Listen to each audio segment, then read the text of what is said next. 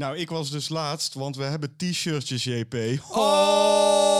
Oh! Dus ik dacht, eh, ja, ik kan ze wel allemaal opsturen, maar er zijn er ook een aantal besteld in Tilburg. Daar woon ik gewoon. Dus Mhm. ik dacht, eh, weet je wat, ik ga gewoon langs al die, eh, ja, die fans van ons. En ik bel gewoon aan. Wat denk je? Vier keer aangebeld. Eén doet er open. Wat wel leuk was, degene die open deed, dat was Kevin Kenty. Dat is een maatje van ons. En eh, die heb ik dus eh, al snackend gesnapt. ik zag het. Ja.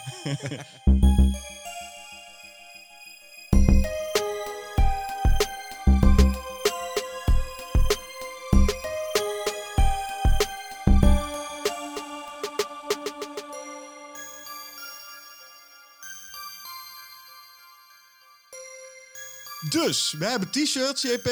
Ja? Oh! Hey! Dat gaan we gewoon elke keer zeggen. Gewoon. Bij Ja. elk eh, item zeggen we Hoeveel t-shirts hebben we nog? We, we hebben nul t-shirts nu, maar je kan gewoon blijven bestellen. Oké. Dus echt eh, oneindige shitload aan t-shirts kunnen er gemaakt worden. En ze zijn gaaf, jongen. En ze Ja. zitten heerlijk. Ja, ja, ja, ja, ja, ja. Allemaal van die kleine Indiaanse handjes. Nee, nee, dat is niet waar. Nee, dat was grapje. Oké, dus eh, laten we nou maar gewoon beginnen. Ik zit hier tegenover Jean-Paul Arends. En ik... Oh, En ik zit tegenover William van der Voort. En dit is gewoon al de twintigste aflevering van Cinepraatjes. De podcast van Cinemaatjes. Eh, maar goed, je kan dus eh, shirtjes bestellen. En dat gaan we dus om de 10 minuten gooien we dit erin. Ieder, ja. ieder blokje. Ja, Maar het mooie is, je kan ook een eh, maatje van ons worden. En, kun je doen? en het mooie is dat er weer een aantal maatjes bijgekomen zijn. Nou, vertel eens. niet. Ja, we hebben Rubicon 13 als eh, nieuw XL-maatje erbij gekregen. En die staat dus nu ook al op de aftiteling. dat is geweldig. Bij ons eh, programma Cinemaatjes, wat we natuurlijk maken. Op YouTube slash Dutch Nerd Club. En dan kun je invullen als je daarop komt Cinemaatjes. En dan zie je eh, duizenden video's van ons. Nou, nog geen duizend. 76. Maar goed, eh, we hebben nog een maatje. We hebben namelijk Ricardo Kremers. Ja, daar heb ik mee op school gezeten. Ja, en die is een eh, L-maatje van ons geworden. Ja, dan krijg je dus een hele hoop extra content op onze Patreon-pagina. Dat is patreon.com slash cinemaatjes. En eh, ons maatje Mick Gijzen, die heeft zijn account geüpgrade. Oh. Ja, die is van een L-maatje naar een XL-maatje gegaan. Ah. Maar goed, we hebben dus een t-shirt. Yes. en die is mooi. Er staat het logo op en eh, de kleuren zijn goed. Hij zit lekker. Het is een lekker stofje. Ja. Is gewoon gaaf. Ja, deze hele podcast gaan we het erover hebben. Alleen maar. Dus bereid je me voor. Goed, wat er ook gaat gebeuren, JP, dat wist je misschien niet. Misschien ben je het vergeten, omdat het alweer een tijdje geleden is dat we het hebben opgenomen. Maar Ruud Vos is bij ons langs geweest. Oh ja! En zijn aflevering met ons over een bepaalde film, daar gaan wij natuurlijk nog niet verklappen. Want Nee. ik denk dat onze aflevering eerder komt dan dat hij komt. Want die aflevering gaat op 18 mei de lucht in. Ah, oké. nee, daar gaan we wel even reclame voor maken. Ja. Maar bij deze dus, eh, duimpje worstelen Ja, met Ruud Vos en ons. ja. Weet je wat we ook gedaan hebben? Heel veel. Ja, we hebben bijvoorbeeld een shirtje laten maken. Oh ja, dat klopt.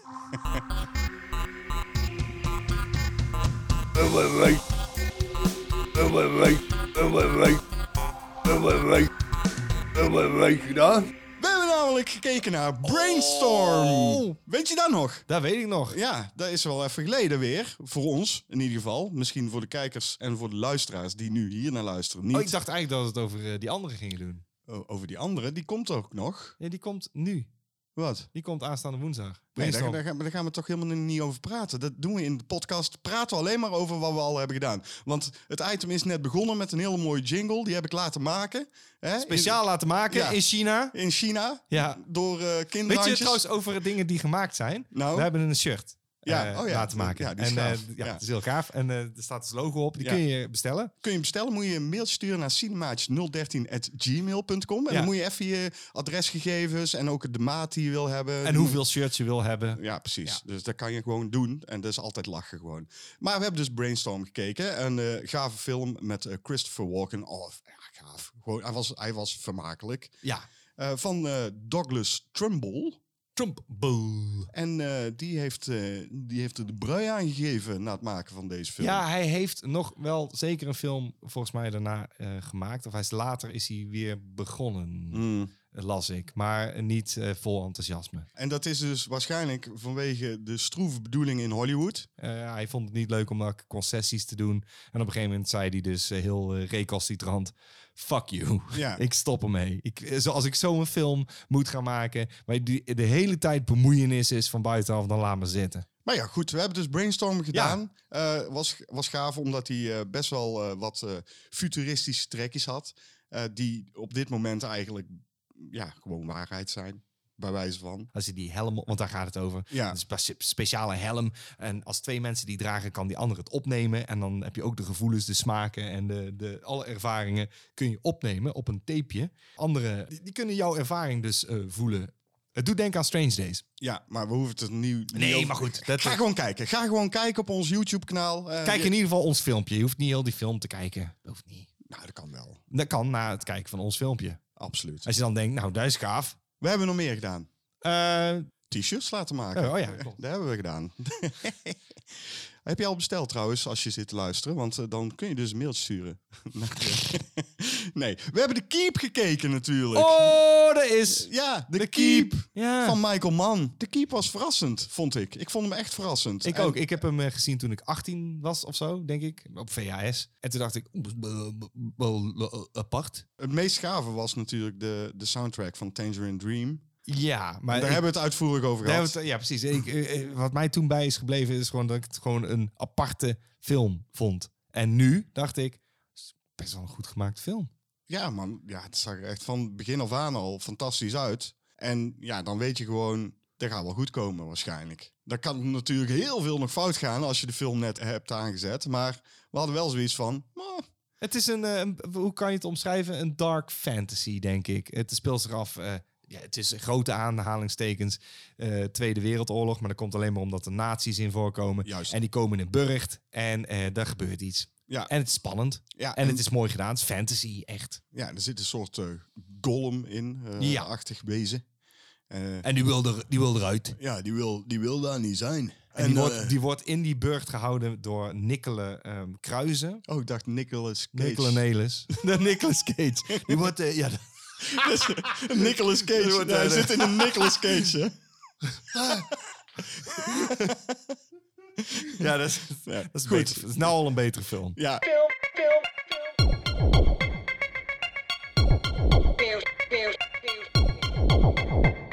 Filmnieuws. Hey! Het nieuwsitem. Ik ben zo blij met dit nieuwsitem. Oh. Want we hebben nieuws. We hebben nieuws. We hebben namelijk t-shirtjes, JP. Ah, kijk. Is dat niet godverdomme Dat is gaaf geweldig, nieuws? man. Ja, dat is... Hoe zien ze eruit? Eh, ze hebben het logo van Cinemaatjes erop staan. Dus Mhm. gewoon het logo wat je kan zien in onze reviews. Ja, en, En, en welke kleur heeft dit Eh, shirt? het is eh, een zwart shirt met een roze logo met een blauwe schaduw. ja, het is een soort 3D, komt zo op je af. Ja, dat is helemaal, helemaal te gek gewoon. Ik zou hem gewoon bestellen op uh, cinemaatje013 at gmail.com. Laat maar gewoon weten als je iets wil. Precies.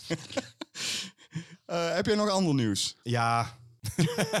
er zijn plaatjes eh, uitgekomen van eh, Masters of the Universe Revelations. De nieuwe serie van eh, Kevin Smith, die uit gaat komen op Netflix. Ja. Het doet een beetje denken aan ehm, de serie zoals die in het begin van 2000, eh, d- die voor, onder de liefhebbers heet het eh, 2000X. Dat is een serie die in 2002 uitkwam. Op zich helemaal geen slechte reboot van Masters of the Universe. En ik zag wat plaatjes en het deed me daar heel sterk aan denken. Wat op zich helemaal niet verkeerd is. Want dat was een goede tekenfilm. Alleen Ja. toen het uitkwam, zaten mensen daar niet op te wachten. Daar deed het enorm aan denken. Ja. En de stemmenkast is ook niet de allerminste. Mark Hamill. Mark Hamill speelt eh, Skeletor. Eh, Jason Mewes, eh, want het is een serie van Kevin Smith, speelt Stinkor. Dan hebben we natuurlijk mijn favoriete Alicia Silverstone. Speelt Queen Marlena. Ik zag het. En dan hebben we Chris Wood, die in eh, Supergirl eh, een rol eh, vertolkt. eh, die speelt He-Man. En, heel bijzonder, Henry Rollins Ah. speelt Triclops. Oké, nou, cool. Nou ja, ik zag natuurlijk wel eh, de plaatjes ook langskomen. En eh, Kevin Smith is natuurlijk de uitvoerend producent. Dus hij, het is niet hij die gaat tekenen of zo. Nee, nee, nee, maar hij eh, heeft wel heel het verhaal, Ja. de, de opzet helemaal verzonnen. En ik dacht meteen toen ik het zag van... volgens mij is de doelgroep niet meer de kinderen zoals het vroeger was. Maar het is nu gewoon voor wat ouder publiek. Ja, nou niet helemaal. Ik denk dat het, ja, oké, Voor de nostalgie. dat was het. Hij heeft het gemaakt voor de fans van eh, Toen. toen. En ik denk dat hij een paar combinaties eh, heeft gemaakt. Ik denk dat hij wel degelijk ook een klein beetje rekening heeft gehouden met die reboot. Wat ik goed vind, want nogmaals, er zaten hele goede elementen in waarvan ik dacht dat hadden ze eigenlijk moeten doen in de oude takefilm. Mm. Bijvoorbeeld He-Man lijkt in de oude takefilm gewoon sprekend op, ja, dat is die Prins Adam. En als hij dan het zwaard heft, dan verliest hij eigenlijk alleen maar zijn shirt. Ja. Maar hij ziet er gewoon hetzelfde uit en niemand herkent hem. In de 2002-serie is het een jongetje van 12. En dan, dan verandert hij in een vent. ja, dat, Dat is niks. zag je hier op het plaatje ook. Ah, een dat jongetje. Nee, Ja, dat vind ik dus wel. Nee, vind ik niks. He-Man wordt hij dan toch? Dat is toch logisch? Ja, he-boy. Nee, het gaat erom dat hij niet herkend wordt. Want het was het in die, in die serie van... Jongen, van Clark Kent herken je toch ook niet? Ik heb nou mijn bril af. Hallo, ik zit hier nu als Super William. Hè? Je hebt het niet door, hè? Kom op, zeg. Ik vind dat wel gaaf. Ach, het is toch maar een tekenfilm. Ik heb nog een ander nieuwtje. Ja, want eh, Rusland eh, die lijkt dus Amerika af te troeven in eh, het grote evenement om een film op te nemen in de ruimte. Oh, Ze gaan daadwerkelijk een film opnemen in het ISS Space Station. Oké. En, en eh, ze hebben daar dus al een... eh, een, Een alien eh, gestopt. Nee, ze hebben een actrice. Oh. Het zal wel waarschijnlijk heel erg propagandamateriaal worden. Maar ze hebben dus Julia Peresild, eh, een actrice. En de regisseur is Klim Shipenko, volgens mij. Die, die zijn ze nu aan het trainen. Om daadwerkelijk ergens, denk ik, het najaar van dit jaar... ja, ja, naar dat ruimtestation te gaan. Ja, dat is hartstikke goed. Is dat goed? Daar vraag ik me af, weet je wel. Want wat is de meerwaarde om daar daadwerkelijk een film op te nemen... terwijl ze in Hollywood al hebben bewezen dat ze het kunnen nabootsen? Dat klopt. Je hebt alleen maar minder ruimte. Tenzij je er een pornofilm opneemt. Ja, maar dat gaan ze niet doen. Je hebt vast nog een ander nieuwtje. Eh, er is een plaatje weer eh, te zien geweest van... hè, ja, alleen de plaatjes, joh, dat interesseert mij. Tekst interesseert me niet. Eh, plaatje van Halloween Kills. Oh. En dan daar staat Michael Myers op nieuwe look. Want hij is natuurlijk een beetje aangebrand, hè. Oh ja, natuurlijk, ja. Er viel niet superveel te zien. Eh, ja, wel gaaf. Weer dat Had een mes vast, toch? Had een mes vast, bebloed. Ja. Ja, dat is Michael Myers, hè. Nee, Zo kennen we hem. Nee. Had hij geen eh cinematisch t-shirt aan toevallig? Eh, nee, jammer genoeg niet. Kun je wel kopen. Ja. dus, dus, ja, nou, leuk nieuws, man, JP. Weet je wat ik nog heb gelezen? Er komt een nieuwe Bring It On. Ja. Ja? Ja. Ja? Jij Met vindt dat, Kirsten eh Dunst. dat weet ik niet. Oh. Maar eh, ze gaan daar weer wat leven in blazen. En, In Kirsten Dunst. Nee, in eh, Bring It On. Oh. Maar niet, dat is grappig dat ik dat zo zeg, want ze, ze gaan er niet alleen leven in blazen, ze gaan er ook dood in blazen. Hè? Oh. Want het wordt een soort slasher-achtige Bring It On. Wat? Ja? Dat is een ja. Ja, daar heb al. Ik, ja, nou daarom, dat nieuwsje heb jij helemaal niet meegekregen. Nee, heb ik niet meegekregen. Dit is eh, fantastisch. Ja, dat is ik zeg ja, bring it on. Bring it on! Kom,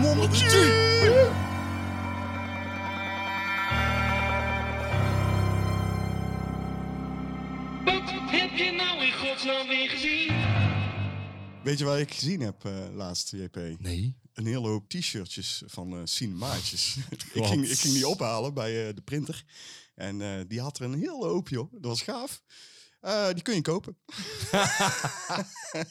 nee, eh, ik ga even heel kort iets zeggen. Ik heb namelijk het eerste seizoen van Invincible afgekeken. Ik wilde er net van vragen, weet je dat? Het Ja. stond hier op mijn lijstje. En ik wil er niet te veel eh, woorden aan vuil maken.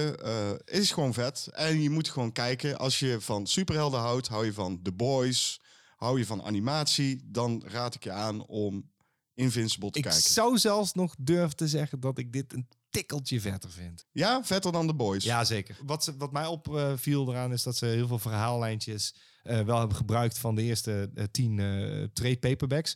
Maar ze hebben wat dingen verschoven. Het is slimmer verteld daardoor. Maar dan komt omdat ze natuurlijk het bronmateriaal hebben. En dan kun je heel makkelijk zeggen, oké, dan schuiven we dingen door, want die kun je samentrekken. Ja, Er komt nog zoveel vette shit aan. En als ze dat gaan doen in het tweede seizoen, dan... kan ik alleen maar zeggen, dikke fucking aanrader. Ook van mij. Heb jij nog iets gezien, JP? Oh, ik heb zoveel gezien. Ja, wat Ja. heb je gezien dan? Ik heb eh, gekeken naar eh, wat jij hebt gekeken. eh, Promising Young Woman. Ik vond het een, een interessante film. Oké, was ze kaarten iets aan in die film. En dat sluit aan bij wat ik ook heb gekeken. Ik vind het wel eens leuk om gewoon, als ik niks te doen heb, tien sekscomedies te kijken à la Porky's. Ja, Weet ja. je, die hebben altijd zo'n, ja... eh, eh, op een of andere manier eh, bijt het, wringt het altijd bij hoe mannen zich een klein beetje gedragen ten opzichte van de andere seksen. Want ze willen maar één ding in de film en dat is eh, lekker feesten, drinken en neuken. En Dat is 9 van de 10 keer het plotje. Dat kan heel leuk zijn. Ik heb er eentje gekeken die daar dus over gaat. Maar in Promising Young Woman Mhm. gebeurt er iets. Waarin mannen dus ook zich te, te, te buiten gaan op zo'n avond. En dan is het excuus elke keer, maar we waren jong. Ergens zit daar wel een kern van waarheid in. Want het is natuurlijk ook... eh, Oké, het is eh, in Promising Young Woman gaat het erom welk standpunt je aanneemt eh, voor wie je wil verdedigen. Van, Ja. ja, je, je kunt ook een beetje zelf opletten. Sommige mensen kunnen dat niet en dan is het moeilijk. Eh, het, het is dat de jongens dan snel het hand boven het hoofd wordt gehouden, terwijl van een meisje wordt gezegd dat is een slet. Maar wat is het punt wat je wil maken? Het punt wat ik wil maken is dat ik een film heb gezien die heet eh, Screwballs, die helemaal niet goed is overigens. En eh, daar zitten dus allemaal jongens in en die wil heel graag de titel zien van een meisje. En dan ga je bij jezelf denken, oké, maar dat is 83 en was dat toen wel normaal? En toen kwam ik erachter, het Ja. is geschreven door een vrouw.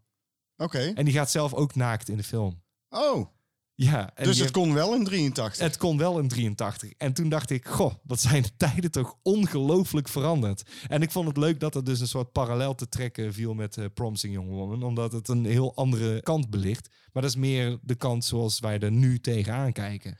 Ja, dat is die woke eh, mentaliteit die we nu hebben, zeg maar. Ja, toen dacht ik, oké, maar dan waren vroeger mensen een stuk zorgelozer. Ook het feit dat, nogmaals, eh, die screwballs, hoe verwerpelijk die ook kan zijn, Mhm. is gewoon geschreven door een vrouw die notabene zelf in de film topless gaat. En het, ook een belangrijke scène in, de- in de film. Dacht ik, dat dus. Ja, maar dat kan. Ik bedoel, er zijn Ja. ook vrouwen die gewoon zo erover denken. Dat gezegd hebbende, toen zag ik er eentje. Ik heb dus, dit is mijn mooi bruggetje naar een andere. Eentje die ik niet had gezien, eh, maar die stond wel in het lijstje van eh, tiener eh, comedies. Eh, die heet eh, Little Darlings. Vertel. En die is uit 1980 en dat gaat over twee meisjes van eh 15. Eén is rijk en de andere is een beetje een rebelletje. En die eh, gaan eh, op zomerkamp.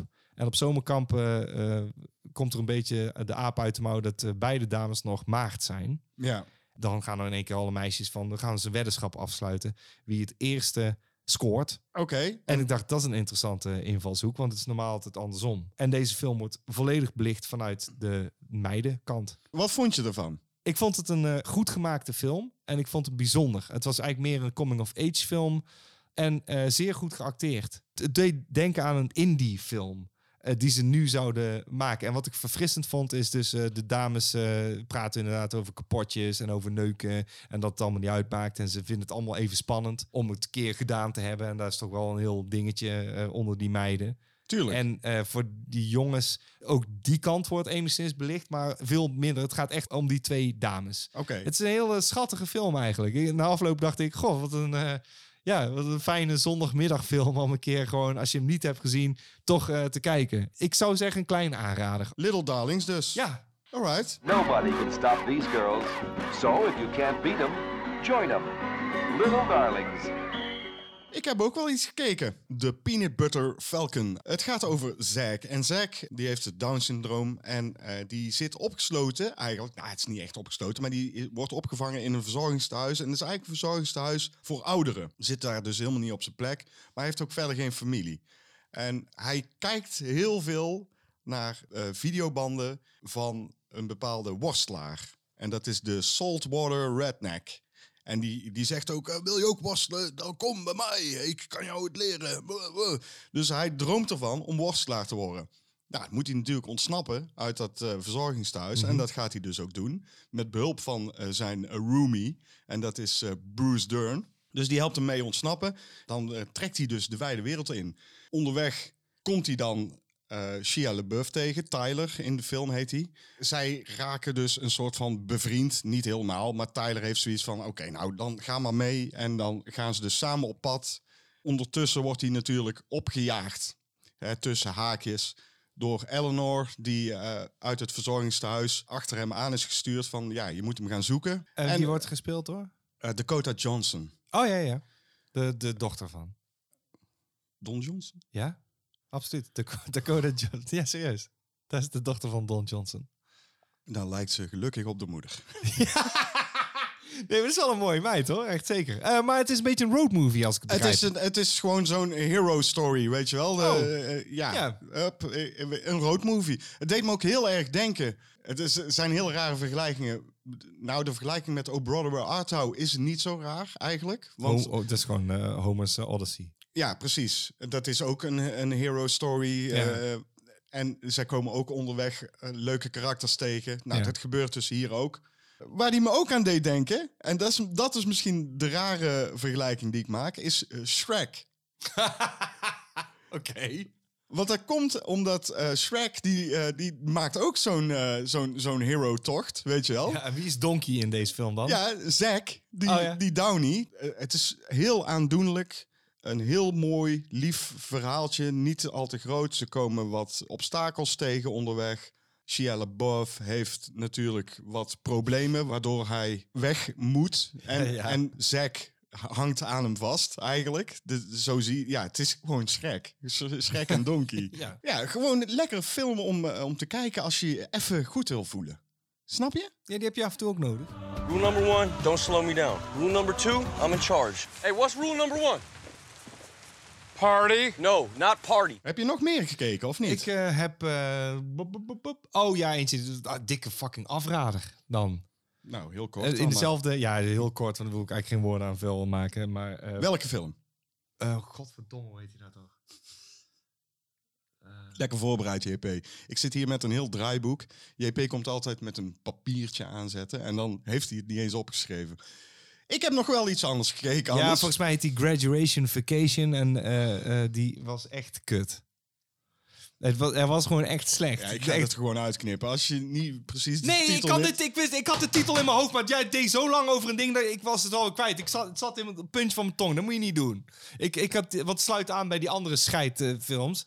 Het is niet waar. Het sluit aan bij die andere eh, tiener comedies, maar deze was gewoon slecht. Ja, maar ik heb nog een andere film gekeken. Oh! Ja, ik, ik heb serieus... En daar maak ik een heel draaiboek over. Dus ik schrijf op... eh, weet je wel, in punt, puntsgewijs schrijf ik op hoe het eh, verhaal loopt. Hè? Mhm. Dus wa- wat ik moet zeggen, dat ik niet zit te hakkelen. Net zoals ik op de bank altijd zit te hakkelen. En dan schrijf ik daaronder puntsgewijs op wat ik ervan vond. Of wat ik er eh, slecht van vond. Of goed. En, snap je? En, en ja, ja, dat doe jij niet. En dan, zit- dan zit je hier en dan denk je... Ja, dat maakt er niet uit. Ik, ik mag er gewoon. Ik, ik, ik, praat vanuit spontaniteit. Ja, maar dat ik werkt niet. Nee, dat werkt niet altijd. Ik, Ja, dat werkt wel. ik ben ook heel spontaan. Ja, Je maar ik hoef, er niet, ik, ik hoef er niet vanuit. Ik, ik, ik heb dat niet nodig. Ik, ik zit gewoon. Ik moet, soms heb ik even een 30 Ja, seconden nodig. gra- graduation vacation. Dan moet Ja. ik dan maar op gaan zoeken. En voor hetzelfde geld heb je de titel Nee, niet goed. En dan vind ik het niet. Graduation Vacation. Oh my dat is God. kut. Nou goed. Ik heb een andere film gekeken. En die heb ik gekeken naar aanleiding van een artikel wat ik las. Het is namelijk zo, er is een wetenschappelijk onderzoek geweest. En die heeft aangetoond welke film de allerengste film is die er is. En die film is Sinister uit 2012. Ja, dat heb ik ook gelezen. En toen dacht ik echt waar. Ja, maar toen dacht ik, nou, dan ben ik wel benieuwd of die nog stand houdt, zeg maar. Nou, waar gaat die over? Hij gaat over Elson Oswald. heb ik gewoon netjes opgeschreven, hè? dus Ja, ik kan dit gewoon voorlezen. Ja. Ethan Hawke speelt hem inderdaad. En eh, hij is een eh, non-fictie misdaadschrijver. En die is op zoek naar zijn grote doorbraak. Hij heeft al een keer een, een soort van doorbraak gehad met zijn boek Kentucky Blood. Hij heeft daarna namelijk Blood Diner geschreven, JP. Dat is echt waar. Echt waar? Ja, dat zei ze in de film. Wauw, daar heeft hij spijt van. En toen, kwam, toen raakte hij aan een lage wal. Ja, dat snap ik wel, dat Ja. hij niet doorbreekt. Dat is pas horror. er is een meisje verdwenen en het gezin van het meisje is vermoord. En hij wil dat onderzoeken. Maar om dat te onderzoeken, gaat hij daadwerkelijk verhuizen met zijn gezin naar dat huis waar dat is gebeurd. Nou, dat vind ik al een rare keuze om te doen. Maar goed, eh, dat doet hij dus wel. En op zolder vindt hij een doos met Super 8. Een projector, een Super 8 projector en van die eh, tapejes. Ja, En dan denkt hij natuurlijk, daar ga ik kijken. ja. En eh, ja, dat zou ik ook hebben gedaan trouwens. En dan eh, blijkt dus dat daar die moorden op staan die daar zijn gepleegd. Maar er, zijn nog andere tapejes met andere moorden. Ja. En die hebben allemaal verband. Eh, er, er is een of ander soort van demon te zien in die filmpjes. Die ziet er een beetje uit als een of andere Slipknot eh, metal gast. Ja. Echt heel lelijk. Maar goed. ehm, dus eh, hij probeert daar dat verband eh, uit te vogelen, wat er is. En denkt, nu heb ik de doorbraak. Dit wordt hem gewoon. Ja. Terwijl hij dat denkt, gebeuren er natuurlijk allerlei vreemde dingen in dat huis. Ja, ik, ik ken de film. Het is echt gewoon, als je hem kijkt, dit is standaard horror Ja. eh, ding. Oh, je komt in een huis waar, eh, waar wellicht spookt. Ja, Ja, nee, het, het, het- het bedient zich ook van allerlei jumpscares natuurlijk. Die, eh, Ja, nou, nou, daar wil ik het wel over hebben. Want ik heb hem natuurlijk speciaal gekeken, omdat er werd gezegd: dit is de allerengste film. Nou, wat doet hij dan? Eh, dan ga je met enge kinderen werken. Hè? Want dat werkt altijd. Hè? Al, sinds The Exorcist en The Omen en zo zijn kinderen eng. Nou, dan wil ik even inbreken, want ik, er staat me één scène bij. En die vond ik lachwekkend. Dat is dat die, eh, die, die, dat ze slow motion verstoppertje spelen. Dat is lachwekkend. Dat is toch niet eng? Nee, dat was ook niet eng. Nee. Nee, dat was ook helemaal niet eng. Nee, laat Maar, me... goed, laat, maar laat me- volgens dat onderzoek is dat de engste film. Daar gaat het mij om. Nou, dat onderzoek, dat is natuurlijk wetenschappelijk. Dus dan ga je meten. Meten is weten. En dan, wat werkt? Jumpscares werken. Natuurlijk, ja, ik schrik ook als er ineens Ja, een keihard geluid komt. Ja, dan vind ik dan toch kwalijk van de, eh, de- van de onderzoekers dat ze op basis daarvan dan zeggen: Ja, je schrok. Ik hoor wel eens van mensen: Oh, ik heb echt eh, vanwege een drama of, een, of een andere film slecht geslapen. En Ja. dan denk ik: Dat is dan toch enger? Ja, maar dat, dat weet ik. Alleen, eh, het is niet, het is niet zo dat Nee, ik, ik weet... zeg niet dat jij het onderzoek hebt gedaan. Nee, het is gewoon en- stom van de onderzoekers. Nee, dat, ja, maar dat kan ik ook niet zeggen. Want ik weet niet wat zij hebben onderzocht. Dat stond er niet bij in de artikel. Het, Nou, ken- als, dit, eh, als dit de uitkomst is, dan hebben ze gewoon echt slecht kut onderzoek Nou, gedaan. zal ik, Dat is jou, wat ik zeg. zal ik jou zeggen wat mij echt stoorde aan deze film? Niet eens de jumpscares. Want ik snap heus wel dat die moderne films dat tegenwoordig allemaal doen. Jumpscares. Dat gaat Goedkoop, dat is wat ik zeg. Dat werkt. Dat werkt gewoon. En eh, de film is ook helemaal niet zo slecht gemaakt. Maar wat ik fucking storend aan deze film vond, was het feit dat hij gewoon nooit het licht aandeed. Er was, hij wordt midden in de nacht wakker. Hij alleen, omdat, omdat die projector begint te draaien, wordt hij steeds wakker. Niemand wordt wakker. Hey, enorme jumpscares, hè? Keiharde knallen af en toe. Niemand, zijn hele gezin wordt niet wakker. Hij wordt wakker. Wat gaat hij doen? Dan gaat hij dus op onderzoek in zijn huis. Wat doet hij? Pakt hij zijn telefoon, zet hij daar de zaklampje aan. Fuck off, man. Ik zie de lichtswitches gewoon zitten op ja, de muren. wil niemand wekken. En overdag zit hij eh, met de gordijnen dicht. Ook donker. En dan denk ik, Sfeer, hè? Sfeer. Nee, maar de, nee, ja, inderdaad. Het is voor de sfeer. Ja, dat snap ik. ik, dat- maar doe dat gewoon niet. Echt, het, het heeft me zo gestoord. Oh ja, de jumpscares. Dat is nog een dingetje. Want hij heeft die super 8 beelden. Die zit hij dan te bekijken. En die, die zijn best spannend. Die zijn het spannendst. Ja. Dat is gewoon zo. dat klopt, die zijn... Oké, ja. ja. Dus die zitten te kijken. En dan hoor je dus dat geluid van de film Sinister. ja. En dan hoor je ineens zo... Zo'n jumpscare. En dan denk ik, super 8. Daar zit toch geen geluid bij? Nee. En hij schrok zijn eigen kapot. Ik denk, ja, als je dat geluid hoort, dan schrik je eigen kapot. Maar dat geluid hoor jij niet, want dat geluid is de fucking score van de film. Ja. Die ik zit te kijken. Ja. En dan denk ik, dat is echt gewoon foute boel. Verder is hij wel oké gemaakt. That's the family who lived here. Weet je wat ook eh, oké gemaakt is overigens? Die eh, shirtjes. Die wij shirtjes van ons, Ja. die zijn ook Ik gewoon... zat de hele tijd te, te, te bedenken van wanneer kan ik het erin gooien. Maar, nee. Ja, nu dus. Ja.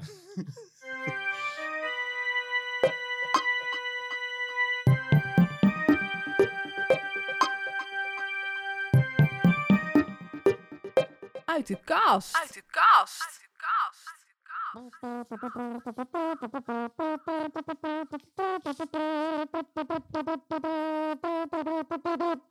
Spiky Jones, Spiky Jones, Spiky Jones, Spiky Jones. Spike Jones, Spike Spike Jones, Jones, Jones, Jones, Spike Spike Jones. We hebben dus de DVD-box eh, met The Work of Director Spike Jonze. A collection of music videos, short films, documentaries en rarities. Oftewel, Een DVD. een DVD met heel veel videoclips, hè? Ja! Gaaf eh, wel, want ik heb deze inderdaad ook. JP. Het is wel de, degene volgens mij die ik het meeste heb eh, gekeken. Want die staat hier terug eh, keer omgekeerde videoclip op. Ja, van The Far Side. Ja, die vind ik echt Ja, fantastisch. die is tof. Ja, dat is zeker gaaf. Ja, er En- staan sowieso... Wat hij heel goed doet, die Spike Jones... is eh, dat hij hele leuke concepten heeft voor zijn video's. Want eh, die andere is Chris Cunningham, vind ik ook vet. En dan heb je... eh, Gondry. Maar ja, en die vind ik allemaal wel leuk.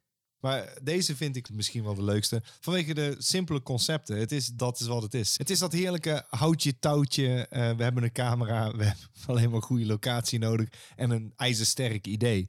En Wat gaaf is aan eh, Spike Jones, hij is natuurlijk begonnen als uh, skatevideo eh, maker. Mhm. Ja, als je niet kan skaten, eh, maar je, je hoort wel bij die crew van skaters, dan word je heel erg inventief in het filmen van die ja, dan trucjes spits je allemaal. toe op een andere eh, professie. Ja. Dat is heel leuk, hebben, hebben we dat gezien in die, eh, die ene film die we ooit besproken hebben. Mid-90s. Ja, mid-90s. Dit is eh, duidelijk van wat kan er gebeuren als jij die videogast bent die bij die skaters hangt. Ja. En dan kun je dus gewoon uitgroeien tot Spike Jones. En Spike Jones heeft ook gewoon daadwerkelijk eh, films eh, gemaakt Ja, eh, Where the Wild Things Are is er eentje van hem. nou, en dat is een prachtige film. Mhm. Ik denk dat zijn musicvideo's wel echt beter zijn. Die Spike Jones video's staan mij ook meer bij. Dit is ook daarom degene van die drie boxen die er toen uitkwamen... die ik het meeste heb gekeken. Ik heb alleen deze gekocht. Zelfs. Dat wou ik zeggen. Nou goed, ik, ik had zoiets van... oké, als ik dan toch begonnen ben aan die reeks... dan, eh, dan wil ik ze ook allemaal hebben. En dan bij All Means, die Chris Cunningham heeft natuurlijk een paar Apex Twin dingen gedaan... die ik ook super vet vond. Maar dit is degene die ik denk ik eh, vaker heb gekeken. Ze zijn gewoon vermakelijker, dat is het. En Ja. de Far Side is gewoon wat een vondst om een clip verkeerd om op te nemen. Dus Ja. ze lipzinken fonetisch de tekst. En het is helemaal teruggedraaid, hè? Ja, Ja. het is zo goed. Ja, oh, die dat clip is- is zo goed! Ja, die clip Oh is echt fantastisch. Maar de Far Side is sowieso ook heel vet. Ja, dat klopt. Mijn god, wat inventief. Daar zijn ze al lang mee bezig geweest om alleen maar te leren terug uit te rappen. Ja. Supergoed! Ik zou hem wel aanraden als mensen het nog niet gezien hebben. Ja, je kent die clips van Spike Jones. Ik noem er even een paar. Sure Shot van de Beastie Boys, die ken je. Drop is de Far Side. Drop! Ja, Dat is hem. dan hebben we natuurlijk Cannonball van de Breeders. Sabotage ook van de Beastie Boys. The Funk van de Daft Punk. Eh, super vet ook. Ja. Ehm, Undone, eh, Sweater Song van Weezer. Volgens mij Buddy Eén Holly ook. is dat volgens mij, hè? Ja, Buddy Holly ook, ja, inderdaad, van Weezer. ja oké. Het is leuk. Toen ik dat zag, was ik echt meteen verkocht. Ik had nog nooit zoiets inventiefs gezien. Nee, maar dat hebben ze best wel knap gedaan voor die Ja. tijd, zeg maar. Want het was net alsof ze echt op... Ze waren ook echt op die set, Ja, dat klopt. mij. Ze waren echt op die set. En die L, die was er ook weer Ja. bij. eh, die, deze rol nog één keer. Ja, Alles was daar leuk aan. Het- Dat was een opvallend clipje. Spike Jones dus. ja. Zoek hem op. Snor hem op. Weet je wat je ook kan eh, opsnorren? Er zijn eh, t-shirtjes van Ja. Cinemaatjes. Dat is misschien wel leuk om eh, keer checken gewoon. Kijk even op onze Instagram pagina. Dat is instagram.com slash cinemaatjes013. Daar hebben we bijvoorbeeld een post gedaan over die t-shirtjes die wij hebben gemaakt. Kun je zien hoe ze eruit zien. kun je zien hoe ze eruit zien. Kun je ook zien hoe je ze moet bestellen. Dus dan, Nou, ja, hè? dan hoef ik daar niet uit te leggen dat je een mailtje moet sturen naar cinemaatje013.gmail.com en daar al je... tijd. Ja, Ja. het is tijd voor iets anders.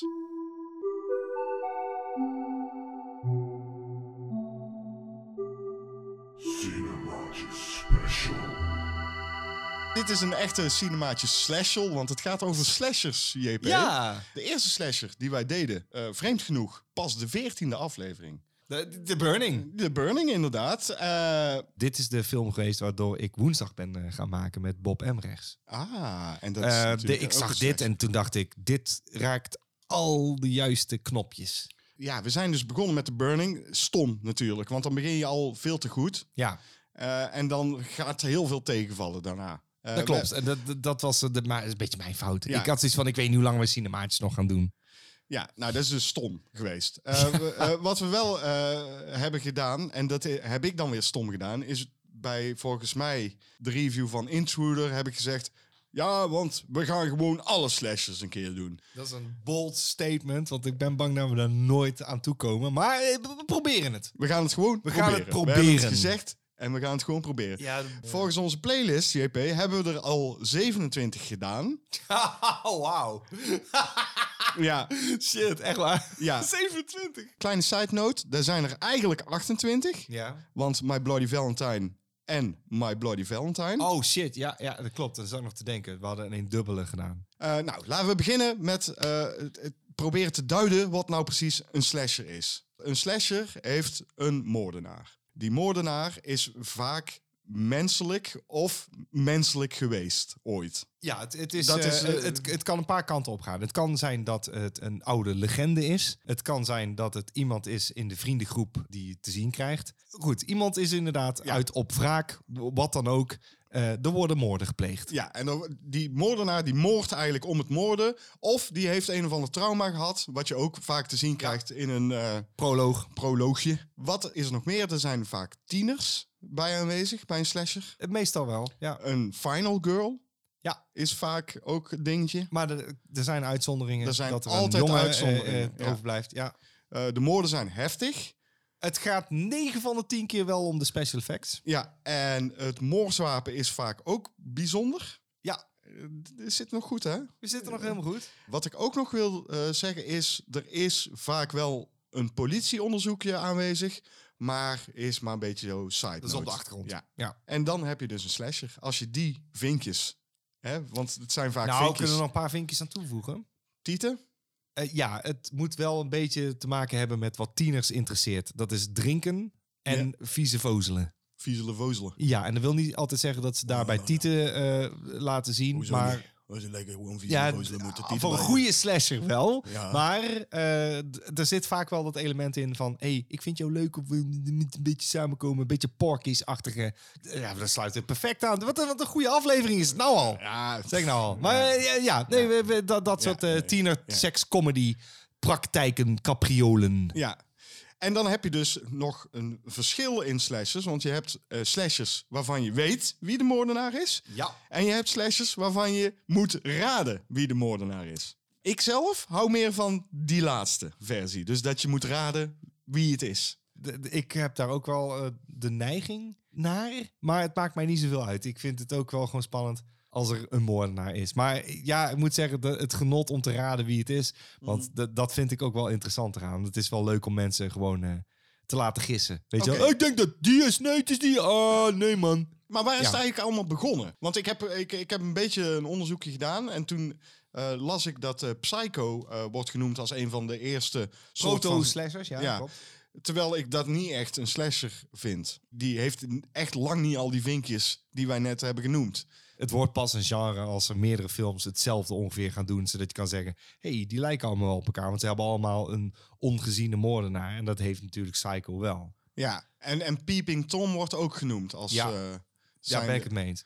Eh, Point of view shots zitten daarin. Black Christmas is een soort van een van de echte eerste. En eh, de Texas Chainsaw Massacre, wat ik overigens helemaal geen slasher vind, wordt ook genoemd als zijnde van het in werking zetten van dit genre, zeg maar. Ja. Dan is denk ik toch de echte originele eerste slasher toch gewoon Halloween, of niet? Dat wordt wel vaak gezegd. En ik eh, moet zeggen, nadat ik dus nu eh, la- later in dat eh, Giallo-genre ben gedoken, dacht ik, dat is dus inderdaad niet waar. Want ik denk dat de flair voor dit soort films en dat ze ook zo succesvol waren, dat heeft toegeleid eh, dat meerdere mensen zeiden, ik, ik denk dat ik ook zoiets wil proberen. Want dan zou je Black Christmas wel kunnen noemen, want John Carpenter was ernstig geïnspireerd door eh, Black Christmas. Het is zelfs zo, hij vroeg aan Bob Clark, de regisseur Ja. van Black Christmas, wat zou jij doen als je een vervolg zou maken? En toen zei Bob Clark, oh, dan, dan zit hij in een inrichting en dan ontsnapt hij. En dan, dan zou ik het waarschijnlijk Halloween maken. Dat, dat lijkt me wel grappig. Dat heeft hij tegen Carpenter gezegd. Volgens mij heeft Carpenter ook die film als een vervolg op Black Christmas willen maken. Dat wilde hij En doen en toen daar heeft hij, is hij gaan peilen bij Bob Clark. ja, maar, en die heeft eh, toen gezegd, maak maar je eigen film van. Ja, Bob Clark moet wel, die zei wel van, ik zou royalties kunnen eisen. Hij zei, maar ik vond Halloween heel goed gemaakt.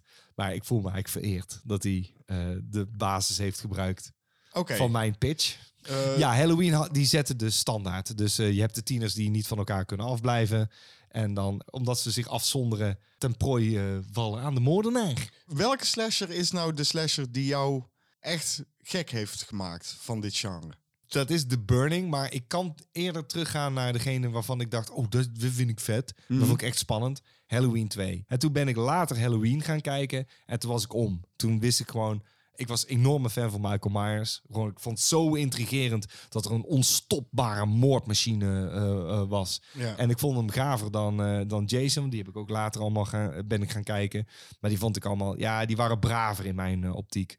Carpenter maakt gewoon een spannender film. En d- d- ik, ik heb nog steeds een zwak voor de tweede hoor. Ik, ik vind het nog steeds heel vet. En toen ben ik een beetje erin gaan duiken. En naarmate de jaren vorderden, ja, eh, toen stuitte ik op de, de Burning. En de Burning eh, was meteen, eh, dat was een ja. En de andere zou ik zeggen Sleepaway Camp. maar dit, dit, dit is echt, die zag ik en toen dacht ik, ja, dit is mijn favoriete genre.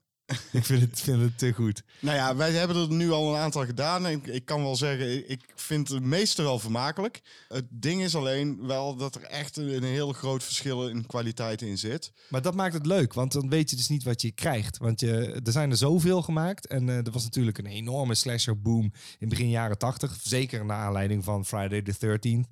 Maar eh, die probeerde Halloween na te bootsen. En eh, ja, dat lukte. En eh, toen zeiden heel veel studio's... Oh, oké, maar die, die slasherfilms kosten gewoon niet zo heel veel. Dat ook beginnende eh, regisseurs dachten... Easy money. Ja, We hebben alleen maar een moordenaar nodig. een raar moordwapen, want dat, dat is gewoon zo. Misschien een feestdag die we ergens aan kunnen koppelen. En dan, eh, dan ben je er al, toch? En eh, nou, zo kwamen er een shitload aan slashers uit.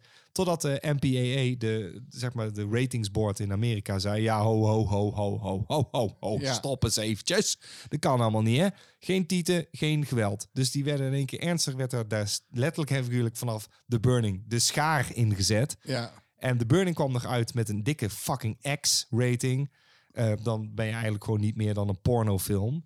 Eh, in de optiek van heel veel bioscoopzalen. En dan speel je bijna nergens. Maar eh, alle films die daarna kwamen, daar werd de ernstig de schaar gezet. En dan merkte je bij alle opdelen van Friday the 13th enorm. Van shit, waar zijn alle gore scènes? Waarom zitten die? Je hebt, ik heb plaats gezien in de Fango, eh, de Fangoria magazine. Ja. Van eh, hakbijlen en bloed. Dat is allemaal uitgeknipt. Over Friday the 13th gesproken. Dan weet ik nog dat ik een jaar of 14, 15 was. Dat ik met een groep vrienden die film zat te kijken bij mij thuis. En eh, naar aanleiding van die film hebben wij besloten dat wij een death metal band gingen beginnen. Wij, wij, wij hadden nog niet eens instrumenten. We, gaan een death metal band beginnen en die noemen we Crystal Lake. En dat hebben we toen gedaan. Serieus? Ja. We, we hebben meerdere eh, demo's uitgebracht. Met die, en het duurde wel even voordat we uiteindelijk eh, een beetje de instrumenten konden bespelen. Maar we zijn gewoon doorgegaan. En inmiddels zit ik al, al jaren in bandjes. Dus eh, het is allemaal begonnen met eh, Friday the 13th eigenlijk gewoon. Met Crystal Lake. Super Ja, ik, heb, eh, ik heb op een reclameschool gezeten en we moesten ooit een keer een watertje verzinnen, een soort bronwatertje. En mijn bronwatertje heet ook Crystal Lake. En ik had ik inderdaad zo'n meer. En een, en, heel mooi verborgen ergens een, een hockeymasker. ja, ja. Ja, ja, Crystal Lake. klonk, dat klonk gewoon goed. Crystal Lake sparkling water. Maar het, is wel vaak zo dat die oudere slashers beter eh, zijn dan de wat nieuwere slashers. Maar ook beter dan die nu tegenwoordig gemaakt worden. Oké, er is een tijd geweest dat er ook eh, ernstig eh, gecensureerd werd of gewoon niet gefilmd. Sowieso de jaren 90 eh, begon natuurlijk met Scream en daarna kreeg je I Know What You Did Last Summer en al dat soort Urban Legend, al dat soort eh, films. Maar die, die lieten geen titel zien. Dat was er al meteen uit. Nou, dat vind ik al meteen een minpunt. En dan, toen zaten die moorden er ook al niet echt in. Ze knipten ook weg op dat moment. En dacht ik, oké, maar dat is een slap aftreksel van wat we in het begin van de jaren 80 dan ja, kregen. maar daar wil ik toch iets over zeggen. Want eigenlijk alle slashers na Halloween en Friday the 13th... die volgen allemaal dat vaste formule, Ja. straminetje wat ze hebben. Dus al die vinkjes gaan we gewoon af. We maken gewoon zo'n formulematige film. Daardoor is eigenlijk een slasher nooit vernieuwend. nee, maar dan, dat, datzelfde kun je ook zeggen over een actiefilm. En ik vraag me ook af, wat is het ding met slashers? Waarom worden bepaalde slashers wel een franchise en andere slashers weer niet? Sommige werden gewoon heel goedkoop geproduceerd. En als jij een, een, een grote geldschieter had, zoals Sean Cunningham, gewoon een heel eh, lucratieve eh, filmmaker was, die kon makkelijk zeggen: ja, oké, eh, het is nog wel wat, we, kunnen, we kunnen het nog wel uitknijpen. Dus Friday was makkelijker om daar een franchise van te maken dan films die misschien meer verdienden. dat kan dan met geld te maken hebben, maar Ik bedoel, als je bijvoorbeeld naar My Bloody Valentine kijkt, er Ja. is dan wel een remake van gemaakt die niet, helemaal niet gaaf is. Nee. Maar die moordenaar uit My Bloody Valentine, die is wel echt gaaf eh, om als franchise op te zetten. Ja, ja, vind ik ook. En, ja. en de Prowler, net zo eigenlijk. ja. Dus het- ik zeg niet dat dat per se goede slashers zijn. Eh, Bloody Valentine wel, in mijn optiek. Eh, ik heb die toen gezien en toen dacht ik, hm, weet je al, ik mis gewoon die gore-scènes. En toen, doordat er een remake werd gemaakt in eh, 2009, eh, al jarenlang was er speculatie van, er moeten opnames zijn met die deleted scenes. Want er wordt gewoon weggeknipt. En eindelijk, omdat dus die film uitkwam in de bioscoop, zei Paramount, ja, we hebben die eh, deleted scenes. En ze brachten toen een DVD uit van de 1981-versie met die scènes. En man, toen, had ik van, oké, dit is misschien een van de beste slashers. Eh, Gewoon qua gore ook, mijn god. Dus dat, dat is er allemaal uitgeknipt. Ja. Fucking fantastisch. Ja. Dat maakt de film. nu ik er zo over nadenk, de meeste franchises, daar zijn de moordenaars van bekend. Ja, dat is eh, Friday en Halloween. Dan weet je gewoon... Die worden altijd aangehaald. Het is altijd Michael Myers en eh, Jason en, eh. Freddy Krueger en Chucky. Ja, Terwijl, het zijn iconen omdat ze inderdaad de reeks achter zich hebben. ja, dat En, vind ik dan toch oneerlijk, moet ik eerlijk zeggen. Moeten we het nog over Scream hebben eigenlijk? Ja, ik vind het heel leuk dat daardoor dus het slasher-genre weer revived werd. Maar wel niet helemaal zoals ik het zou willen zien. Want ik was net begonnen aan al die jaren 80 slashers. Wat ik daar dus zo tof aan vond, is die sfeer. En Scream die ging, die speelde daar een beetje op in door een soort hommage te plegen. Nou, dat is toch lief van ze? Dat klopt, nee, dat, dat kan ik Ja, niet. Dat kan ja, ik maar niet. daar ben je Nee, boos om geworden, Nou, omdat, omdat jij het al, al ja. had het al ontdekt. Ja, en ik had het ontdekt en toen dacht ik bij mezelf... ja, maar dan doe je het niet helemaal goed... want je mist bepaalde elementen die, die het zo gaaf maken. Oké, ik miste de durf, denk ik. En, en dat is iets wat ze in de jaren tachtig wel hadden. En nu was het heel erg studiomatig. En ik denk dat ik me daaraan stoorde. Ik vond het gewoon jammer dat ze het niet helemaal volgens de juiste regels deden. Ik dacht ik, nee, zo schrijf je niet een slasherfilm... en dat is niet de elementen die ik erin wil zien. Daar baalde ik zo van. En Iedereen, oh leuk. En toen kwamen er alleen maar dat soort tienerfilms uit met eh soapsterren in de hoofdrol. Ja. En de Amerikaanse soapsterren. Het is gewoon Scooby-Doo.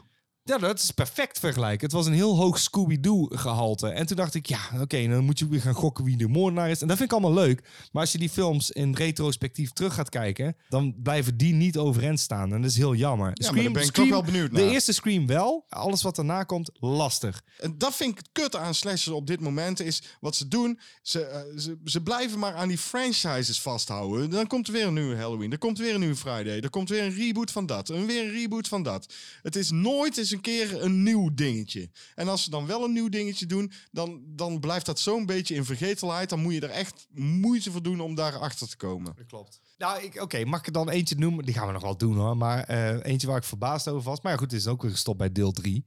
Dat, werd, dat kon bijna een franchise worden. Dat was Fritfield, eh Cold Prey. En daar zijn drie delen van uitgekomen. En toen dacht ik, dat is een moordenaar. En ja, goed, gestopt bij deel 3. Nou, dat is een mooie franchise die we kunnen doen voor de franchise ook. Hmm, daar hebben we heel niet over nagedacht. Goeie. Vragen, vragen, vragen. Je kunt het aan ons vragen in de vraagbak. Nou, eh, de vraagbaak, eh, JP. Als, eh, als je eh, overigens vraag hebt naar een Cinematisch t-shirt... dan zou je daarvoor een mailtje kunnen sturen naar cinemaatjes013.gmail.com.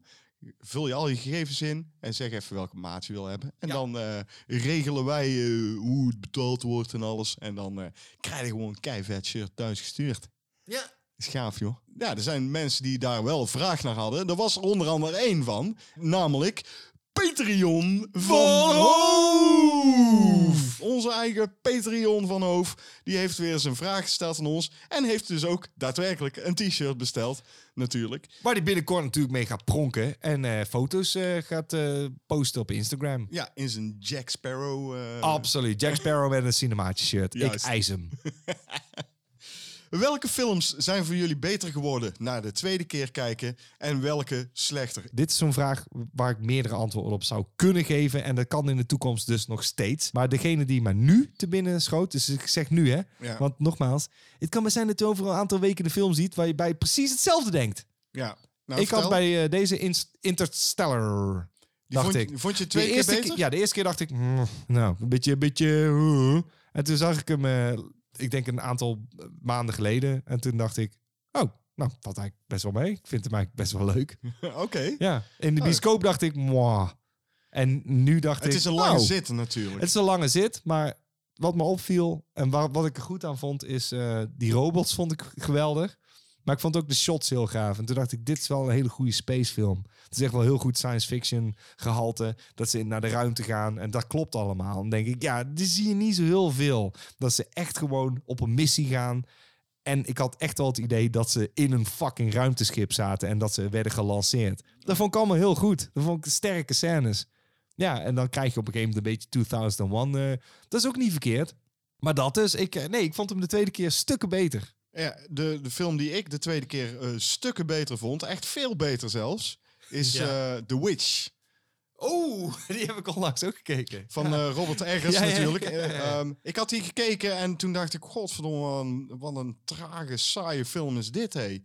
Eh, en toen eh, is, het- is me ook niet blijven hangen. Volgens mij ben ik misschien drie keer in slaap gevallen en heb ik hem opnieuw op moeten zetten. En, en toen hadden we de Lighthouse gedaan, wij tweetjes. En toen dacht ik, Robert Eggers, maar die heeft dus ook The Witch gedaan. Nou, daar ben ik wel benieuwd hoor. Dus toen dacht ik, ik zet hem nog eens, ik geef hem nog eens een kansje.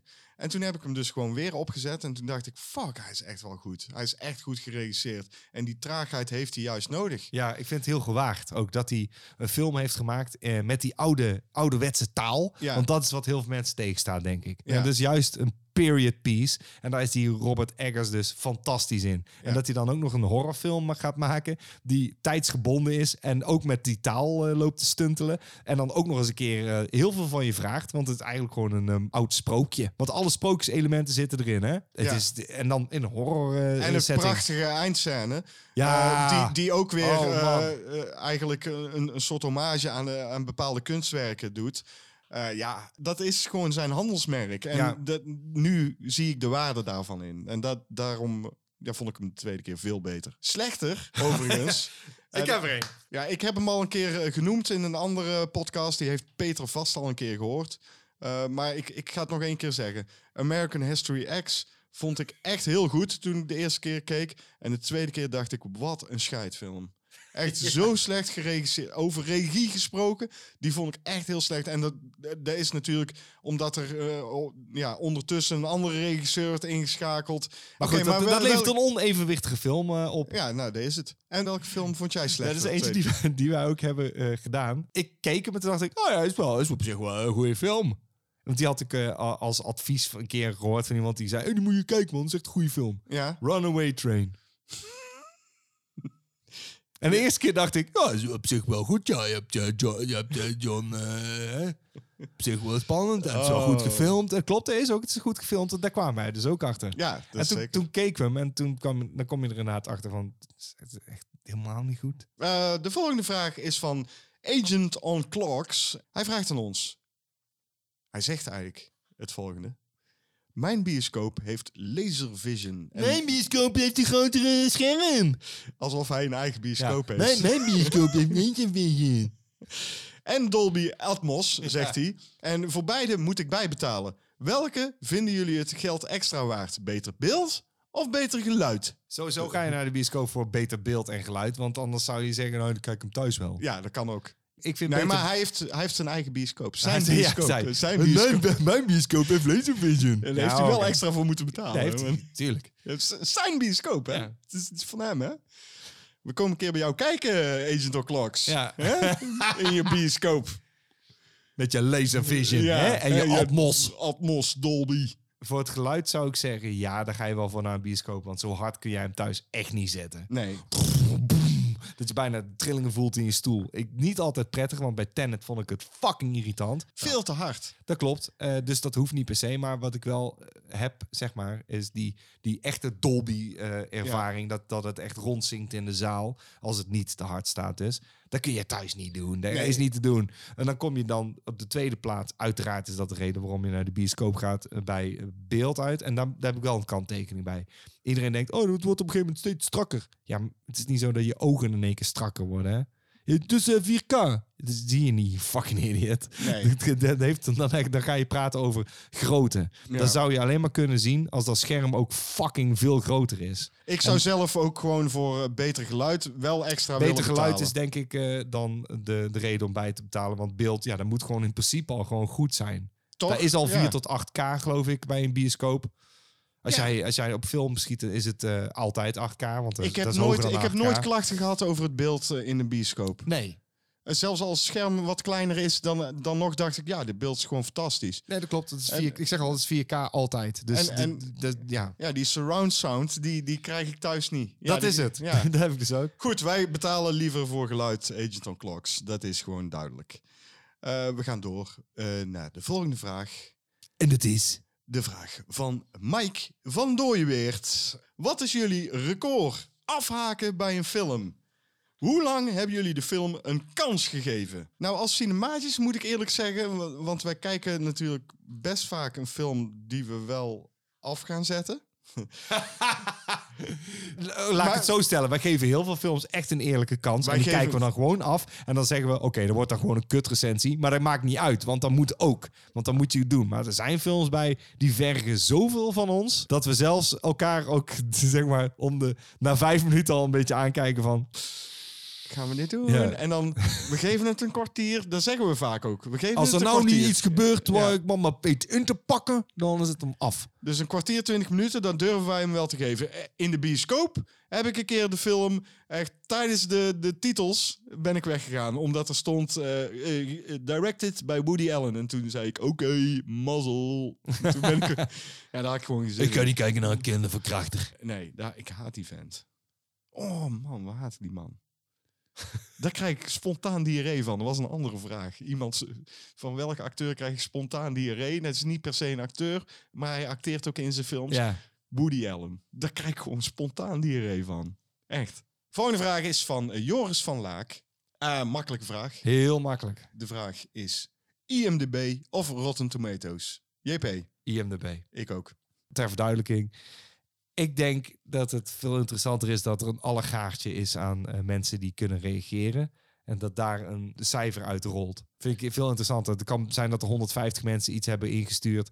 En dan moet daar een, cijfer uit rollen. En dat is 9 van de 10 keer een stuk accurater dan dat er eh, critici dingen moeten. Ja, ik weet niet. Op een of andere manier. Ik ben natuurlijk eh IMDb is ouder. En ik weet niet. Ik denk dat dat de voorkeur ook geniet. Nou, wat het gewoon is, IMDb is ook veel overzichtelijker. De site van Rotten Tomatoes is gewoon onoverzichtelijk. Als je daar naar kijkt, ik word daar moe van, weet je wel?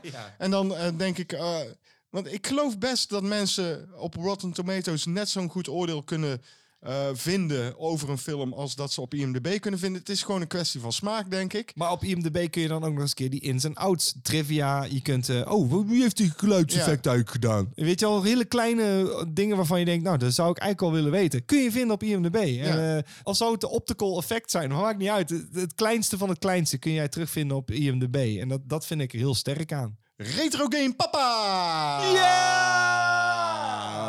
Onlangs ook maatje geworden van ons. Dus eh, die eh, vraag... eh, hij heeft trouwens al zoveel vragen die we hebben weggezet. Oh, Die, die doen we wel een keer, die schuiven allemaal door. Die komen nog een keer. Maar Ja. deze vraag die wil ik wel even stellen. Want Retro Game Papa heeft ook zijn eigen game podcast. Als je dat wil luisteren, Ridders van de Retro Tafel. Hey, shout-out naar deze jongen. En die heeft dus een game-gerelateerde vraag aan ons gesteld. Van welke film zouden jullie wel eens een game willen spelen? En wat voor soort game zou het dan moeten zijn? Ik zal eerst eh, beginnen. JP. Ja, doe dat. Ehm, wat ik denk dat een goede open world game zou kunnen zijn. Ja, een computerspel. Ja, een computerspel, daar heb ik het dan over. Is Waterworld. Open Waterworld, de game. ja. Eh, ja, het is niet zo'n beste film. Of in ieder geval, ah, ik- volgens mij is het best vermakelijk. Misschien moeten Is we er het niet een een doen. computerspel van? Nee, er zit in de Simpsons. Nee, daar En is dan denk... gooit de Milhouse er constant kwartjes in. Oh, echt? Ja. Nou, eh, En dan verliest hij meteen. is dat zo? Ja, omdat hij nou, die film heeft heel veel geld verloren. Dat is het gewoon. Maar Hele dan- goeie ja, grap. volgens mij kun je daar een best wel een mooi eh, game eh, story eh, voor, voor, eh, over vertellen. En ja, waar, waar, waar is hij nou op zoek eigenlijk? Naar water, toch? ja, maar wel drinkwater. Land, volgens Oh, mij. Oh ja, land. Ja, oh, ja land was het. En heeft hij van die vis, kieuwen, kieuwen achter zijn oren. En, en dan kun je dus zwemmen onder water. Hey, fucking open, open waterworld. Open Waterworld. Open en dan komen er haaien bij. Ja. Ja. Heb jij ook een eh, game? Eh, ik moet bekijken vanuit mijn optiek. Ik speel geen computerspelletjes. Speelde vroeger wel, maar niet nu. Ik ben meer van de bordspellen. Dat is interessant, want ik zat te denken... ik zou eigenlijk wel een Giallo-spel, eh, bordspel willen. En dan zou ik misschien kiezen voor eh, eh, Blade of the Ripper... of de, de Strange Files of Mrs. Ward. Eh, want eh, de, de, de settings eh, zitten daarin. Dus je hebt een eh, haven... Wat soort eh, Cluedo dan? ja, ik haat Cluedo. Maar het, het wordt wel iets met een bord waar je iedereen de poppetjes kan. eh Ja. Maar dan wil ik met eh, geheime rollen werken. Dus, dus één eh, heeft als rol de moordenaar. Ja. Maar iemand speelt ook de detective. Oké, ja. Het moet wel een spel zijn wat je met drie of vier spelers moet spelen. Mhm. Echt niet met twee spelers, met drie of vier spelers. Waarin eh, mensen bijvoorbeeld opdrachten hebben. Dus als je de moordenaar bent, dat je clues kan achterlaten. Of dat iemand de red herring is. Ja. Iemand heeft als rol de red herring. Dat betekent dat je probeert de politieinspecteur op het verkeerde spoor eh, te zetten. Oké, ja, cool. Dus, dus Ja. oh, we gaan eh, naar het feestje. En dan eh, gaan we met z'n allen naar het feestje dingen. En dan daar dingen doen. En dan betekent dus dat iedereen iets... eh, Beetje roleplayen. een beetje roleplayen. ja, en dan met, kaar met kaarten werken. Dat je misschien, oh, je moet voor iets achterlaten. Maar iemand, niemand weet, bij wie is daar laatste geweest? Hé, hey, er zit een één keer, eh, oh, is een moord gepleegd. Ja, dus eh, volgens de regels van een Giallo, een, een Giallo-spel. Bordspel. Dat klinkt heel interessant, JP. Ja, Maar ik denk dat eh, Open Water World gewoon veel beter is dan jouw Jallo-spel. deze ook. Eh, de volgende vraag is van niemand minder dan Nico en Patricia Wuits. Nico en Patricia. Ja, ik vraag me toch af wie dan deze vraag heeft verzonnen. Is dat dan Nico of Patricia geweest? Wat is de beste pre-1960 film? Goeie vraag. Eh, zal ik maar gewoon beginnen? Want Ja, ik, ik, ik kan wel zeggen, ik heb niet zo heel veel films van pre-1960 gezien. We hebben natuurlijk wel al een aantal gedaan. We gaan er ook zeker nog meerdere doen. Waarvan er eentje, nou, dat durf ik toch wel te zeggen, dat is misschien wel de beste. Of een van de beste. En dat is 12 Angry Men.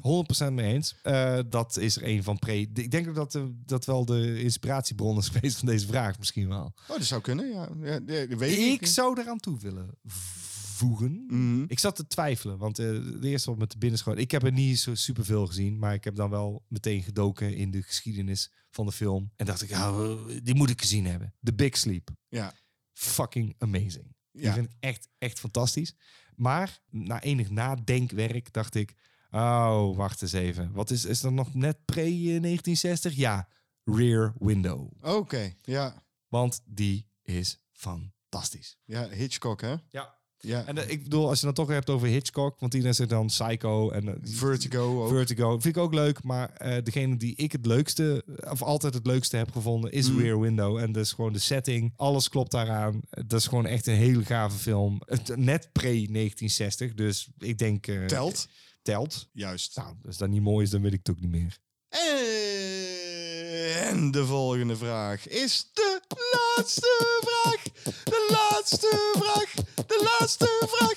De volgende vraag is de laatste vraag van deze show. aflevering. Van deze show. Van deze show. En we zijn een beetje rond ook. Want we komen weer terug bij ons eigen vriendje.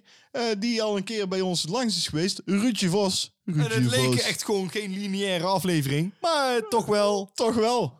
Nou, Eh, en hij eh, heeft een vraag gesteld aan ons. Eh, die heeft eigenlijk een beetje te maken met de duimpje worstelen aflevering waar wij in zitten. een heel klein beetje, dat klopt. Heel klein Ja, ja, ja. beetje. Wat is jullie favoriete film die non-lineair verteld wordt? Ik weet precies welke JP gaat zeggen, denk ik. Ja, zullen we 3, 2, 1 doen? Dat is Ja, lang geleden. 3, 2, 1. Memento.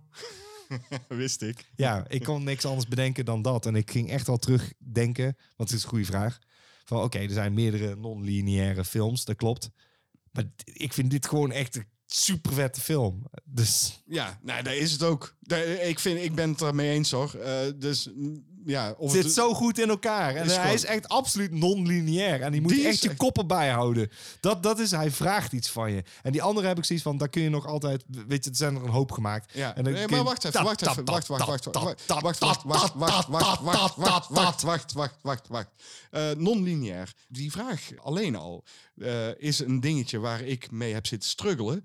toen ik een antwoord probeerde te bedenken. Want wanneer is een film non-lineair? Is hij al non-lineair als er een aantal flashbacks of Ja. flash-forwards in, in Ja, zitten? dan, dan is hij al non-lineair. Ja, dat vind dan, ik niet dan zijn er zoveel ja. films. Dan kan, je, dan kan je zoveel fucking films noemen. Pulp Nee. Fiction is, lon, is, is non-lineair. Ja, maar Pulp Fiction is wel een, een, een Ja. typische non-lineaire film die, eh denk Ruud Vos bedoelt met deze vraag. Die heeft gewoon zijn verhaal door de war gewisseld. Ja. En dan ben je non-lineair. Dat klopt. Wat Memento eigenlijk ook doet. Ja. Maar die heeft het wel heel erg hard gehusseld. Nou ja, die heeft het echt gewoon omgedraaid. Ja, die dat heeft ja. eh, die flink lopen. eh, maar als er dus flashbacks, flashforwards in zitten, dan kun je dus al spreken over een non-lineaire film. En dan kun je bijna alle films noemen die er zijn gewoon. Eh, Memento vind ik een goeie, inderdaad. Is, is ook een van mijn favorieten. Maar ik ga toch kiezen voor La GT. Ik noem hem zo vaak, maar die is ook hartstikke non-lineair. En eh, die noem ik graag. Ja, dat blijkt. Die noem ik heel graag. Weet je waarom ik graag eh, La GT zeg? Omdat het eh, eh, is, heeft het te maken met t-shirt? La t-shirt. Leisure t-shirt. Nee, Leisure t-shirt. La La t-shirt. zien. t-shirt te zien. Hey, t-shirt te zien. La G t-shirt te zien. Vet shirt. Nee, weet je waarom ik... te zien, man. Dat is eh, mooi, man. Je die gehad? Machine, machine, Zo was het? La G t-shirt te zien. eh. Eh, nee, weet je waarom ik eh, graag La G T zeg? Omdat dat eh, Frans is. Net zoals eh, adieu. Bonsoir.